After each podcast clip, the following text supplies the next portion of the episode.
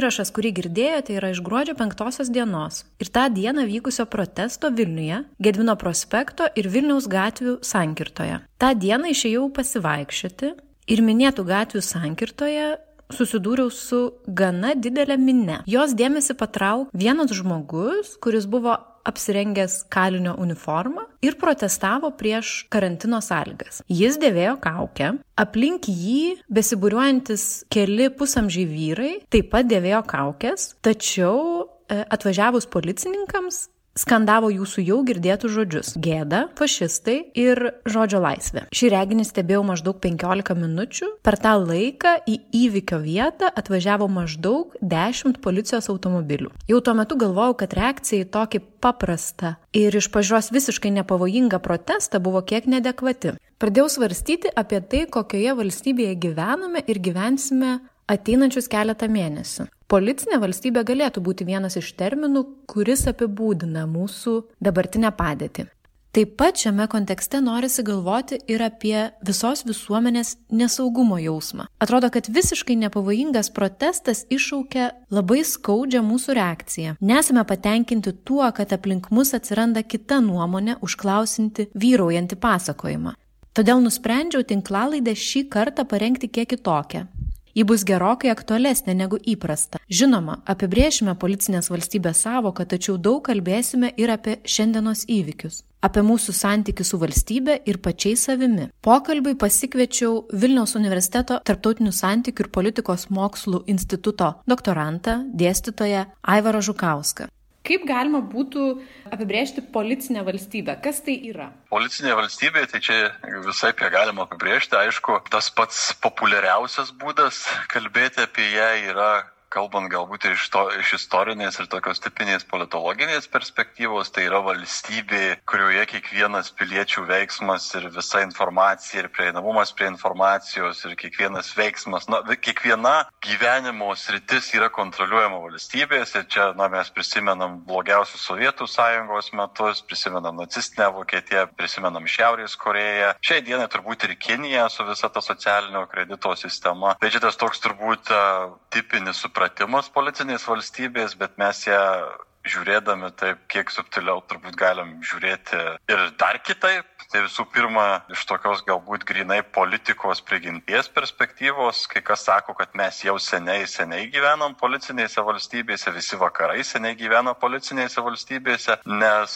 kaip toks prancūzas Žakas Rancieras, jisai skiria policiją ir politiką. Tai kaip tą skirtį padaro, norėdamas būtent išryškinti tą šiuolaikinės, na, demokratijos galbūt to neiškumą ir veidmainiškumą savotišką, ypač liberaliuose visuomenėse. Tai jisai sako, kad politika gali būti tik tai tokia kaip ir spontaniškas prasiveržimas, tarkim viešumoje kažkoks protestas, labiau daugiau mažiau spontaniškai susiklostęs arba kažkokios tai nematytos arba diskriminuotos iki tol grupės, neklausytos grupės išėjimas į gatves ir bandymas, na, pritraukti dėmesį, kad jie taip pat yra normalūs žmonės ir jų reikėtų klausytis. Tai mūsųse labai dažnai, man atrodo, ir iki šiol yra aktualus, pavyzdžiui, LGBT judėjimų atvejais, kuomet kiekvieną kartą jiems išėjus yra tokių, oi, kas čia tokie eina, nustebimų a, ir, ir, ir tokių netgi pasipiktinimų, nors tie žmonės tiesiog nori būti išgirsti kaip normalūs savo šalies piliečiai. Tai čia turbūt Rancieras sakytų, kad tai yra politika, ta tokia esmė savo, proveržis tokio politinio teatro scenoje, įėjimas netikėto veikėjo ir, na, parodymas, kad tas veikėjas egzistuoja ir jis gali kalbėti. Tuo tarpu policija Rancieras apibrėžia kaip, na, tiesiog tokių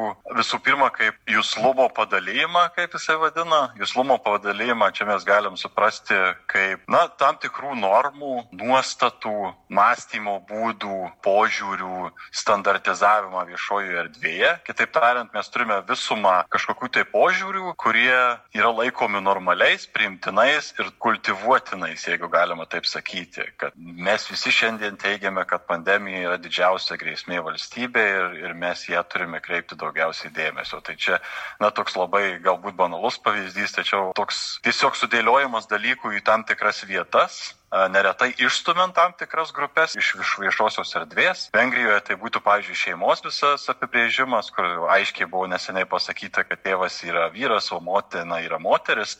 Ir tai yra jau tam tikras, Rancieras pasakytų, jūslumo padalymas ir to padalymo palaikymas, na, nes normalizuoja vieną šeimos sampratą ir šalia to visos kitos, na, pavyzdžiui, du tėčiai ir du mamos, nesvarbu, kaip jie mylėtų tą savo vaiką, jie yra tarytum išstumiami iš tos diskusijos ir yra negirdimi ir nematomi kaip šeima. Tai čia turbūt yra vienas aspektas tos policijos, kaip, kaip įvardė Rancieras, o kitas aspektas yra, na, ūkio reikalų tvarkymas, jeigu galima tai pasakyti. Tos konsensinės demokratijos tokios procesai ir procedūros vykstantis nuolatos institucijose, kurie, na, anglų kalboje yra neretai, na, taip vadinami business as usual, kur, na, tiesiog susirenka šimtas ar daugiau žmonių į vieną patalpą ar į vieną virtualią erdvę, nubalsuoja kažką, procesas nutiko, jisai yra apibrieštas konstituciškai ir įstatymuose kaip demokratiškas ir tuo viskas pasibaigia. Tai šiuo atveju mes būtent gyvename tokiuose valstybėse. Politinis procesas ir, ir sprendimų prieimimas neretai yra atitrauktas nuo piliečių na, nuo piliečių erdvės, nuo viešosios erdvės, neretai daug dalykų yra priimami tiesiog kabinetuose. Čia jau galima prisiminti ir tą liūdnai pagarsėjusį Reicho kronjuristą Karlą Šmitą, kuris labai už tai kritikavo parlamentarizmą, kad, na, tie visi politiniai sprendimai, jie nebėra piliečių rankose, nors ir kalbama, kad demokratija yra kažkokia tai piliečius įtraukianti valdymo forma, ne, priešingai yra priimama viskas tuose techniniuose kabinetų, kabinetų susitikimuose ir, ir, ir, ir tiek galiausiai e, tuo viskas ir pasibaigia, piliečiai gauna nuleistus įstatymus iš viršaus ir gyvena pagal juos toliau. Tai iš šitos perspektyvos Rancieras e, tai negi pavadina savotišką neapykantą demokratiją, nes tas toks standartizavimas visų procesų ir nuomonių, ir, ir kalbėjimo būdų, jisai tarytum, na, jisai ištrina na, tokios politikos kaip tokio susidūrimo viešojoje erdvėje. Nesmurtinio, tačiau galbūt intelektualinio susidūrimo viešojoje erdvėje galimybė. Kad mes, na, netgi kai yra kažkokia diskusija kažkur parlamente, jeigu pažiūrėtumėm iš tiesų, tai ten kažkokio tai principinio nesutarimo dėl dalykų dažniausiai nėra. Tai yra tiesiog toks bandymas ten prisikabinėti prie kažkokių mažų detalių, o ne iš tiesų kalbėjimas apie principinius dalykus, kurie yra yra politikos objektas dažniausiai, o ne administravimo kažkokiu. Tai galiausiai gaunasi, kad tas administravimas pakeičia politiką ir būtent tai Rancieras galiausiai pavadina policija tą tokį standartizavimą absoliučiai visų politinių procesų. Tai čia tas toks, sakytum, iš šitos perspektyvos mes jau senių seniausiai, visi vakarai jau gerus 50 daugiau metų gyvena policinėse valstybėse iš esmės. Dar kitas požiūris yra žinoma susijęs su šio laikiniais dalykais, nu, kad liečia technologijas ir visą tai, visą tą mastyvą dalykų aplink visą tai.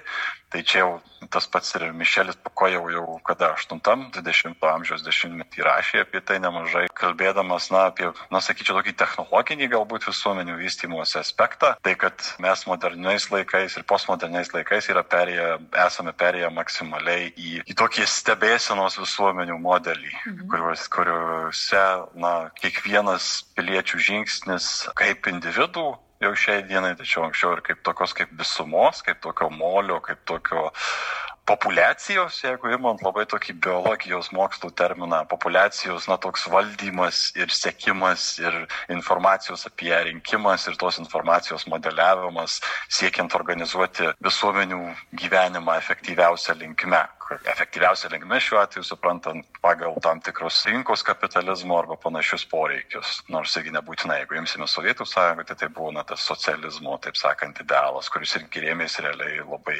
panašiu principu. Tai čia tokie galbūt trys aspektai. Vienas, vienas kaip minėjau, yra tas toks platusis supratimas policinės valstybės, kaip visą kontroliuojančio tokio darinio. Antras yra tai, kad na, liberalios demokratijos šiai dienai jau yra tam tikra prasme policinės valstybės. Ir galiausiai tas technologinis aspektas taip pat atneša tą galimą tokios stebėseną paremtos policinės valstybės vaizdinį. Būtų įdomu užsikabinti už stebėsenos visuomenės termino ir to, kad mes dabar turbūt gyvename tokia visuomenėje, kur visą laiką mūsų tam tikri judesiai gali būti stebimi, fiksuojami, tam, tikros, tam tikra informacija apie mus renkama ir taip toliau ir panašiai. Yra tokie savaime suprantami dalykai, kad vyksta kažkokia stebėsena. Nežinau, fiksuojami mūsų duomenys, ką mes perkame internete, e, fiksuojami duomenys, e, jeigu kalbant apie pandemijos atvejį, tai kai mes, tarkime, e, užsiregistruojam, bent jau iki, iki didžiojo karantino buvo taip, kad reikėdavo užsiregistruoti, kur, kur valgome pietus, jeigu valgome kažkur mieste ir taip toliau ir panašiai. Bet įdomus yra kitas aspektas, nes čia yra tokie iš išorės tarsi primetami stebėsenos mechanizmai. Bet Foucault turbūt kalbėtų ir manau, kad tu galėtum daugiau apie tai papasakoti, apie vidinį stebės, stebėjimą. Tai yra tai, kaip veikia tokia vidinė savicenzūra žmonių, kurie gyvena liberaliuose demokratijose, ką galima sakyti, ko negalima sakyti, kaip šitie mechanizmai veikia ir gal tu matytum kažkokių pavyzdžių pandemijos atveju. Pavyzdžiui, bent jau aš taip matyčiau, kad žiniasklaidoje nuolat pasirodant e, informaciją apie daugybę susirgymų ir taip toliau ir panašiai atsiranda toksai savotiškas gėdinimo gal netgi, sakyčiau, mechanizmas, e, kai žmogus per didelį informacijos kiekį gauna ir moralinę kryptį, kaip jisai turi elgtis toliau pandemijos sąlygomis. Tai va apie tą vidujybės kontrolę, kai pats žmogus e, save kontroliuoja, kai nebereikia iš išorės kontrolės. Tai be jokios abejonės yra šalia visų tų techninių ir tokių visuomenės organizavimo aspektų, kai mes kalbam apie stebėjimą ir stebėseną, be jokios abejonės yra ir tam tikra moralinė plotmė arba moralinė dimensija, kuri galiausiai įsijungia. Juk jeigu mes paimsime visą tą principą, kurį, pavyzdžiui, aprašo Foucault, kalbėdamas apie stebėjimą ir stebėsenos visuomenės, jisai ima Jeremy Benthamo panoptikumo idėją, kuri, kuri teigia, na, tą tokią kalėjimo sistemą, kurioje yra vienas bokštelis, aplink kurį yra išstatytos kameros, kuriuose yra po vieną kalinį ir kaliniai niekada nežino, kada jie yra matomi bokštelėje esančios sargybinių ar ne. Tai šiuo atveju panašus principas turbūt įsigalioja, na, seksime ko ir visuomenėse. Na, tai tiesiog tampa tokio savirūpybos netgi elementų savotišku, kad, na, tu ta prasme matai tam tikrus principus, kuriais kiekvienas turi vesti save visuomenėje. A, gyventi visuomenėje pagal tam tikras normas ir tu automatiškai pradedi savo, na, gyvenimą, galbūt ir netgi mąstymą viduje įstatyti pagal šitas normas. Ir čia šitoje vietoje tai įsijungia net ne tik tai kažkoks gėdinimo mechanizmas, kuris na, yra visom visuomenėm, visom bendruomenėm būdingas, bet ir savotiškus, na, raganų turbūt medžioklės kartais aspektas, kuomet mes, na, pamatę, kad kažkas kažką netai padarė, atsiranda baisi pasipiktinimo banga, kuri šiuo atveju atlieka tokį dvigubą vaidmenį. Na, iš vienos pusės sudrausmina ir pastato į vietą morališkai tą asmenį, asmenį, kurisai, kuris uh, nusikalto tariamai visuomenės akise, tarkime, ir iš kitos pusės jisai leidžia pasijusti geriau pačiai visuomenė ir visiems aplinkiniams, tokį gauna moralinio atpildo, tokį pojūtį, kad štai mes tai visi geri, mes čia kažką pamatėme ir dabar, kaip sakant, viskas yra sutvarkyta ir, ir, ir viskas yra puiku.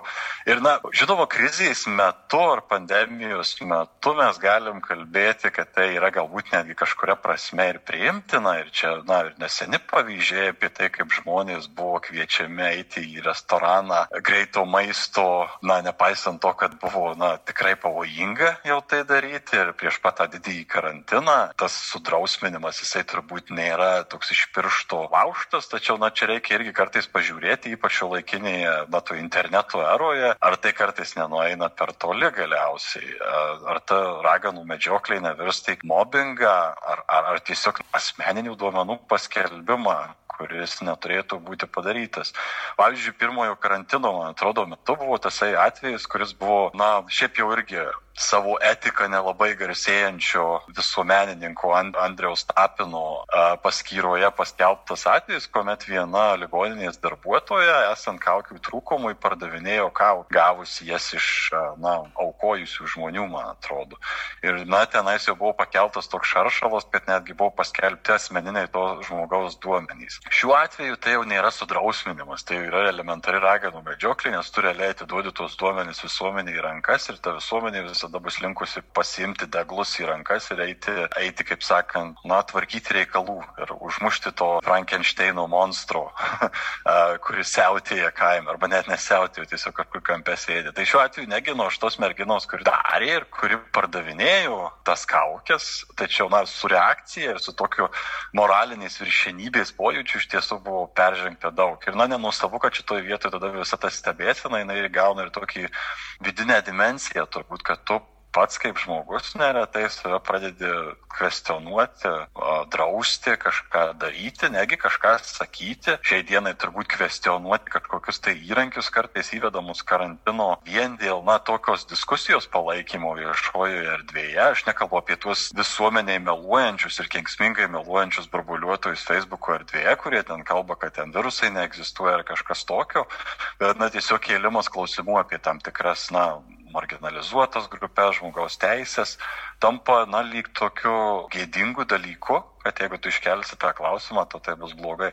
Tai be jokios abejonės, čia ir, ir pats Foucault labai daug, man atrodo, laiko, ypač vėlesniuose savo darbuose praleidžia kalbėdamas apie tą savęs rūpinimąsi, care of the self aspektą, kad, na, tiesiog yra tos stebėsenos normos, jos ne tik ateina iš viršausios, tiesą sakant, susikuria mumyse, galbūt irgi to išorės pavyzdžių kažkaip formuojant. Man atrodo, Foucault gana aiškiai sutiktų su tuo, nes jam, na, iš vidaus einantis ginantis kažkoks žmogaus laisvės ar išradingumo dalykas turbūt ne, nebūtų čia pirmas aspektas arba pirmas prioritetas. Gėdinimo mechanizmai veikia visose bendruomenėse. Ar, nu, tokiose, tai yra tokia saviorganizacijos kažkokia forma, kažkokia savidisciplinos forma, bet matyti atsiranda kažkoks esminis skirtumas tarp to, kai kur kokioje visuomenėje mes dabar gyvename, būtent per masinės medijos aspektą. Tos paprastos bendruomenės, kurios kažkaip saviorganizuojasi ir kūrėsi kažkokias normas ir pagal jas bando sugėdinti žmonės, tai jos veikia kaip ir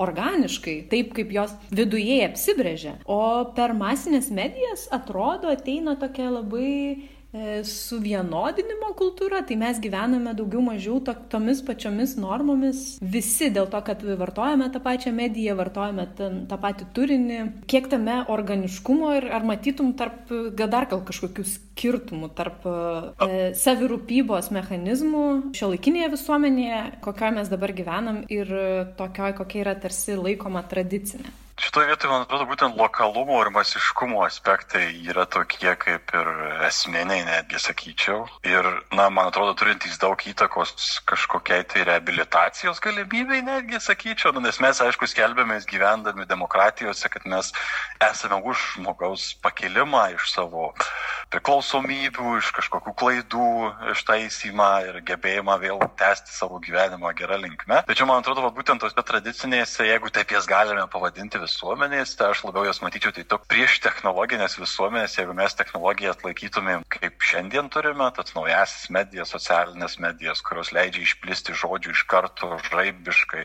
ir su labai labai mažais kaštais, toje labiau tradicinėje visuomenėje buvo visų pirma to tokio galbūt gėdimas ar, ar kažkokio pastebėjimo, sudrausminimo lokalumas, lokalizuotumas ir mažesnis masiškumas, kuris leido galbūt, na, tai nepadarė gyvenimo lengvesniu turbūt tam žmogui, kuris buvo buvo vienoje ar kitoje bendruomenėje, tačiau jis suteikė na, galbūt galimybę nebūti nuteistam visos visuomenės ir kažkaip ištaisyti savo klaidas, arba bent jau atgailauti už savo klaidas ir, ir vėliau elgtis tiesiog kaip geresniam žmogui. Mes turime tokią situaciją šiandienai, kur, na, jeigu tu nedaug dievio paslysi, kažką netai padarysi arba pasakysi, tave labai greitai nuteis absoliučiai visa visuomenė. Mažesnėje bendruomenėje taip, jinai gali būti labai provinciali, prietaringa ir taip toliau ir panašiai. Tačiau, na, vis tiek, man atrodo, išlieka galimybė kažkaip save reabilituoti, darant darbus, padedant kitiems ir panašiai. Kai visa tai paplinta ir žmogus ar individas yra nuteisiamas visos visuomenės, tai ir tas būdas būdas kažkaip save pakelti iš tos duobės, į kurią įpuoliai, aš sakyčiau, beveik neegzistuoja, nes žmogus tiesiog tampa nuteistu ir, ir tuo viskas pasibaigia. Ta prasme, vis, vis didžiosios visuomenės dalyje ar, ar, ar daugelio akise jis vis tiek liks tuo, na, blogu ir susitepusiu žmogumi. A, kas galbūt kartais yra ir gerai, ypač jeigu kalbėtume apie politikus, nors irgi čia toks paradoksas, kad apie jų dažnai nesąmonės yra ne, neatsimenama ir labai greitai viskas pamirštama, bet čia turbūt daugiau kažką sako apie mūsų visuomenės, o ne, ne apie tuos pačius politikus. Tai tai gali būti geras dalykas, bet galiausiai, na, tai gali tiesiog nuteisti ir sužlugdyti žmogų ir neleisti, na, tai lyg eina prieš tą patį liberalios demokratijos principą, kurį mes bandom kažkaip postuluoti šitoje vietoje. Nes jeigu mes kalbam apie tai, tai, na, tai turėtų būti kažkoks būdas reabilituoti žmogų. O mes tiesiog, na, tai man atrodo, čia toks iš individualios perspektyvos, tai čia toks yra vienas, vienas iš, iš tokių, man atrodo, svarbesnių dalykų. Šalia to, aišku, eina ir tas labai toks greitas ir momentinis savi pasitenkinimo visuomenėje suteikimas, kurio taip visi trokšta, kurie nori pasijusti geri ir, ir jaustis gerais žmonėmis ir taip toliau ir panašiai. Bet, na, šiuo atveju reikėtų visada pažvelgti į tą pusę, kur yra pamirštama kartais. Man įdomus dar ir tas aspektas, kai e, tokios įvairiausios naujos priemonės yra įvedamos e, tos programėlės ar dar kažkas įvedamos e, laikotarpiu, kuris yra psichologiškai išskirtinis ir būtent kaip veikia žmonių psichologija, nekvestionuoti šito, šito aspekto, nei galvoti, kaip jisai atėjo, nei užklausti, ar tai yra reikalinga, nes visas bendras toks fonas, kurį mes turime, tai yra toks, kad dabar reikia susikaupti, atbūti visas įmanomas priemonės, laikytis jų tam, kad, tam, kad visuomenė išgyventų šitą susidariusią situaciją, bet kartu tokia baime, taip garsiai kalbėti, užklausti tam tikrų atsiradusių naujų priemonių ar įvardinti kažką kaip, pasakyti, pavyzdžiui, kad dabar gyvenam policiniai valstybėje, tai jau yra nelabai priimtinas terminas dėl to, kad mes turime patilėti, nes saugumas yra svarbiau.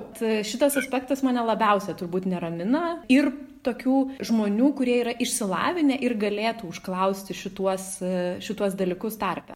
Aš tai irgi manau, kad šiai dienai jeigu turime šią situaciją, tai kalbėti ir įvardinti, kad mes dabar turime pagyventi policinėje valstybėje, galbūt kažkuria prasme net būtų sveikesnis toks minties e, pratimas, nei dabar mes mums kalbėti, kad oi, mes kol kas neįvedėme nepaprastosios padėties oficialiai, tai mes čia niekur dabar nėra, nieko čia blogo nėra, visi būkite ramus, tiesiog laikykitės ir panašiai. Kažkuria prasme gal, sakau, būtų geriau tiesiog pasakyti, šiai dienai mums reikia pagyventi, na, tokiame, ne, ne tame Šiaurės Korejos, Kinijos ar panašiame, tai nuo tokio liberalios policinės valstybės a, a, režime ir tada nu, mes tą režimą nuimsime ir, ir grįžkime prie to, ką galime vadinti normaliu gyvenimu arba naujų a, normalumu. Man atrodo, tai būtų gal kiek ir sažiningiau iš kažkurios pusės.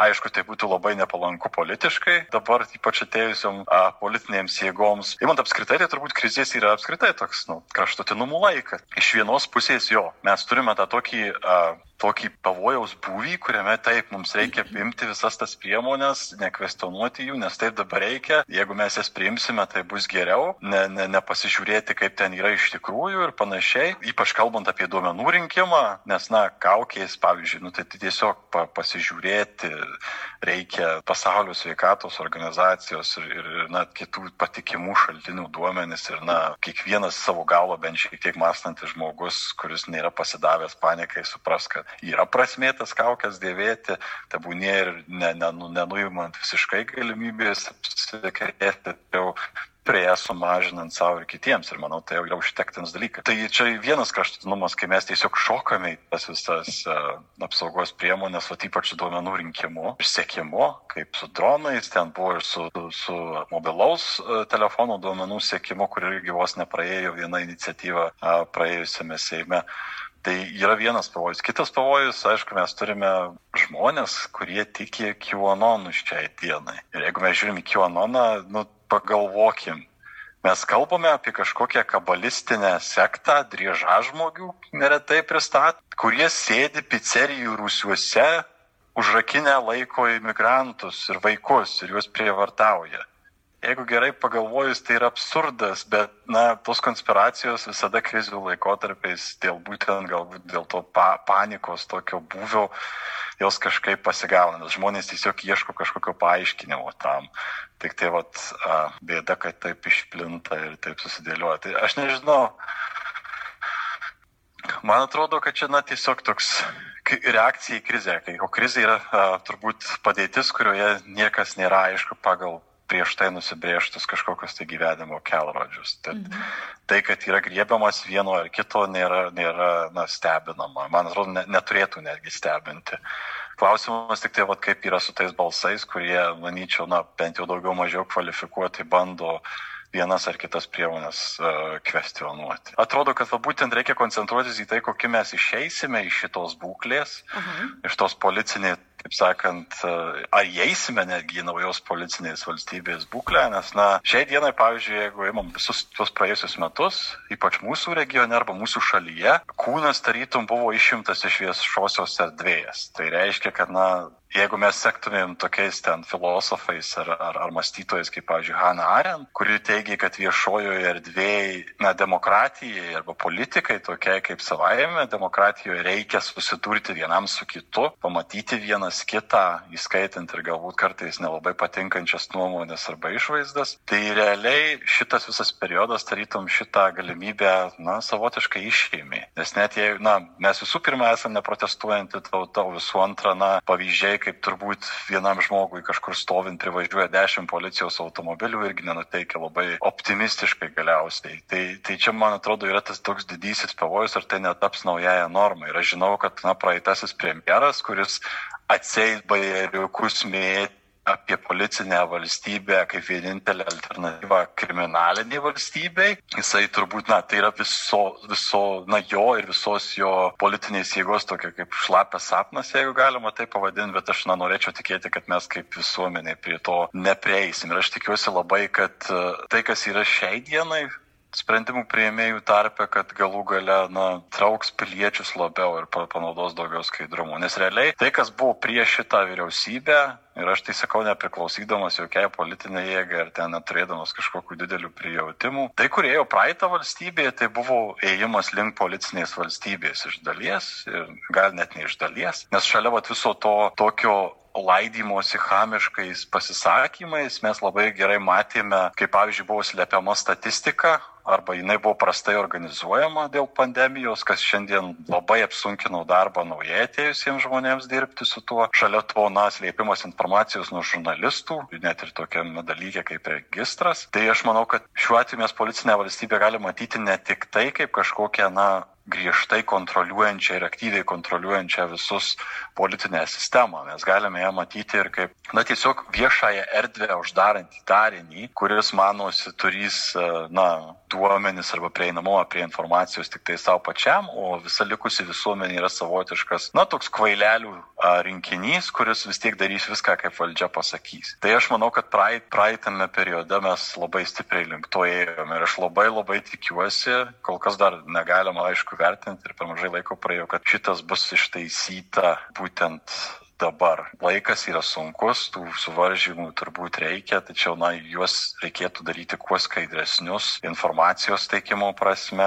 informavimo prasme, skirtingų interesų įtraukimo prasme. Na, nes, pavyzdžiui, šie paskutiniai draudimai, kurie, na, pavyzdžiui, neįtraukė į savo, savo aspektą, pavyzdžiui, vienišų žmonių poreikių arba žmonių turinčių, na, psichologinių sunkumų poreikių, tai, na, tai nenuteikė, na, mažų mažiausiai nenuteikė gerai, nes mes vėl prieiname prie tos situacijos, kad mums kalbama viešumoj ir šitas, na, veidmainiškumas ypač matėsi anksčiau, dabar aš irgi dar anksti vertinti, tačiau yra kalbama apie tai, kad e, Visi šitie varžymai yra vardan piliečių gerovės, vardan piliečių sveikatos, vardan visuomenės sveikatos. Tačiau kai mes va, turime tokius aspektus, kur žmonės, na, psichologiniai sveikata pas mus apskritai visuomenė yra tragiškoje būklėje, jinai vis dar yra stigmatizuota, tai kad kažkas kreipsis į psichoterapeutą yra laikoma kažkokia nenormalybė, kad tas žmogus yra beprotis, tas labai neramina ir tas iš dalies vyrauja ir, pavyzdžiui, institucijų lygmenyje. Ir ką mes turime, kad kai neįtraukiami va tokie svarbus aspektai, kurie gali turėti, na, dešimtmečių poveikį, mes matome, kad realiai sistema iš tiesų, na, visas tas draudimas ir varžymas, jisai net turi tokios orientacijos jau į piliečių sveikatą kaip tokią, kaip taikliai pastebėjau, ne vienas ir ne du jau praeito karantino metu, tai yra orientuota ne į piliečių palaikymą, tai yra orientuota į sistemos palaikymą ar nesulūžimą. Ta prasme, kad liktų, na, ten tos lovos, kad liktų kažkas ir panašiai. Nors, na, ta prasme, uždrausim, bet nepadidinsim, pavyzdžiui, finansavimų gydytojams, lovų skaičiaus didinimo ir taip toliau ir panašiai, ką šiandien ir turime po praeitos vyriausybės. Tai mane galbūt va, tas gazina, kad iš tiesų na, prisidengiant tą retoriką, kad čia viskas dėl visuomenės sveikatos, mes iš tiesų, ir čia visiems vakaram netgi galioja šitai, kad iš tiesų yra orientuojamas į sistemos, į rinkos sistemos ar dar kažkokios sistemos tiesiog išlaikymą ar nesugriuvimą. Nes jeigu, na, šiai dienai, tarkime, psichologiniai pagalba žmonėms turėtų tapti, nu, turėtų būti nemokamų dalykų, kuris yra apmokamas tau mokant mokesčius į, nežinau, socialinį draudimą ar, ar kažkas tokio, nes tai yra būtina. Ir mes vis dar prie to neprieiname. Ir šita pandemija, kaip tik, man atrodo, irgi yra vienas iš tų momentų, kuriuo mes galime suvokti šitų dalykų reikšmę. Tačiau kol kas šioje valdžioje, turbūt dėl didelės skubos, o praeitoje valdžioje dėl elementaraus cinizmo šitos dalykus visiškai nebuvo atkreipta dėmesio. Ir tas neramina. Ir tas gali mus nuvesti į policinę valstybę, ar, ar kaip ją bes be pavadintume. Šią tinklalaidą norėčiau pabaigti prancūzų filosofo Mišelio Foucault mintimi, kurią jisai išsakė 1982 metais vienoje iš paskaitų Paryžyje. Nėra jokio kito pirminio ar paskutinio taško, kuriame galime priešintis politiniai galiai, o tik toks, kurie apibrėžia mūsų santykis su pačiais savimi.